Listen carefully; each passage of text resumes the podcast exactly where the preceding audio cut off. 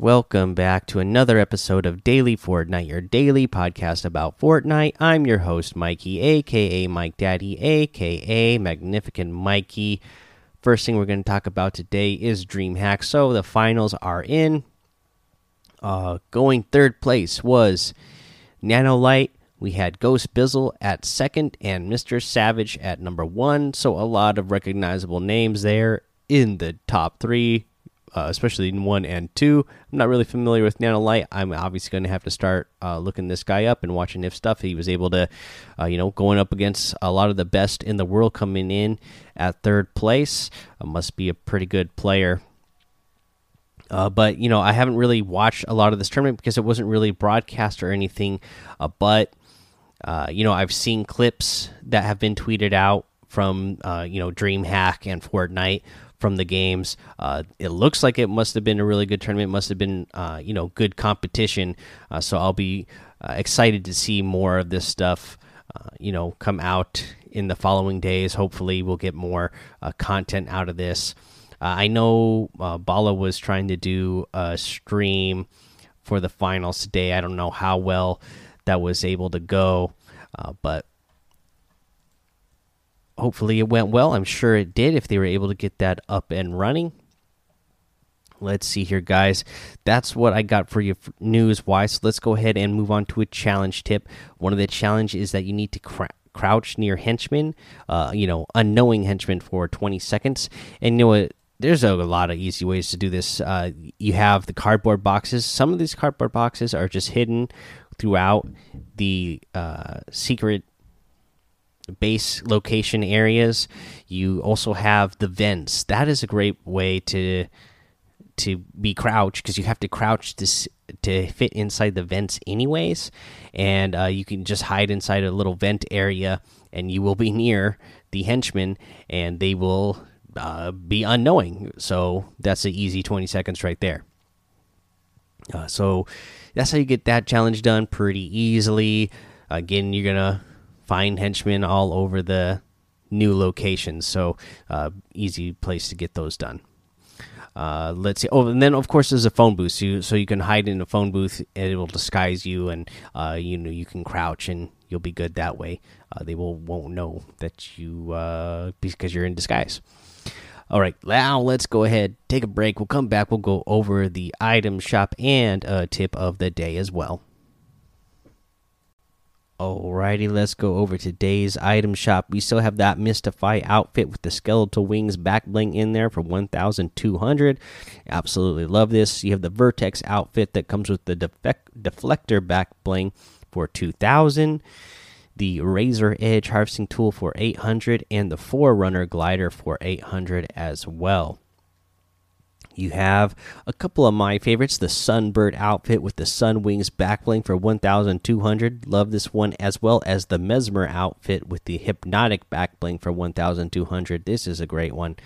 You have the uh, Axe Tech harvesting tool for 800 and the Sunrise glider for 800. You have the Phoenix outfit for 1200 that comes with the Fox Pack back bling.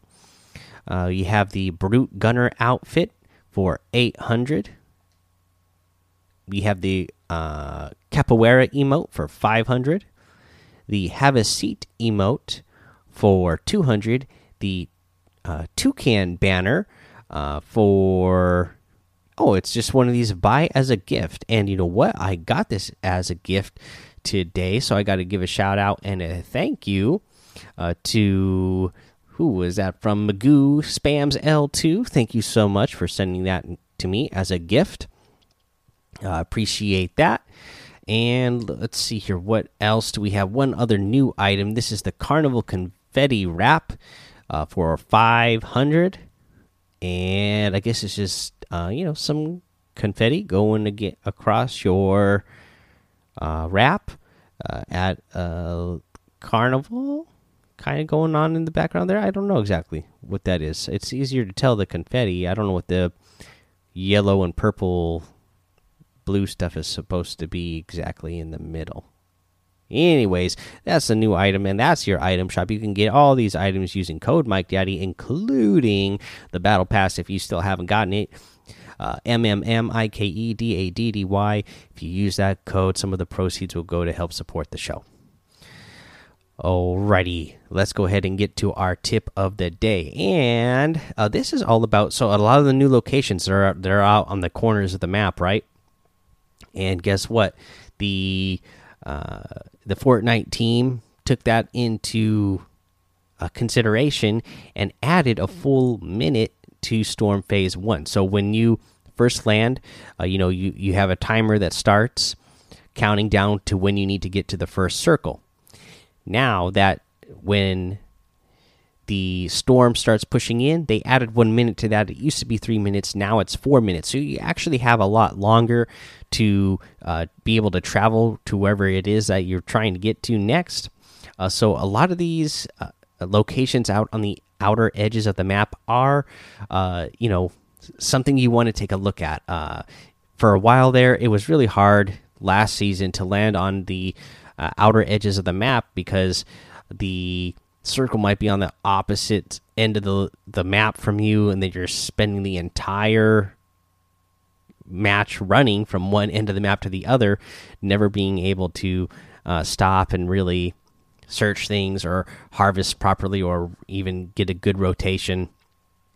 So, uh, now that they have this full minute added, you you have plenty of time uh, to land on those edges of the map. I've been landing uh, a lot in uh, the north end of the map. I really like the north end of the map.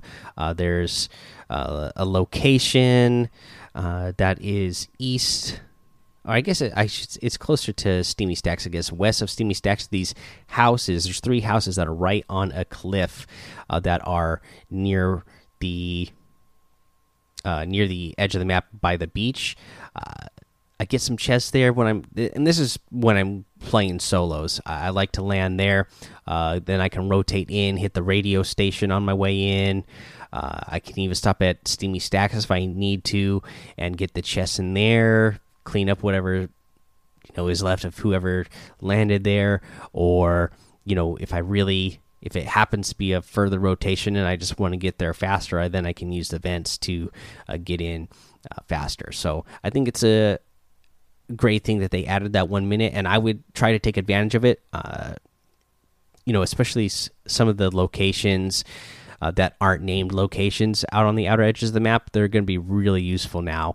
And uh, you don't have to worry about I'm going to have to be running across the map the entire match because you get that extra minute that will help you get there and uh, get well into the next in into that first circle, so that uh, you know if it is you know kind of a trek to the next one again, uh, it will you know it won't be as much of a trek because you had that one extra minute to get in there.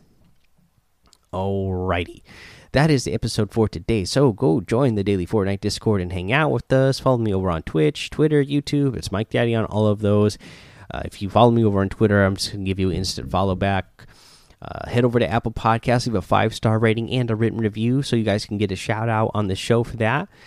Uh, make sure you subscribe so you don't miss an episode. And until next time, have fun, be safe, and don't get lost in the storm.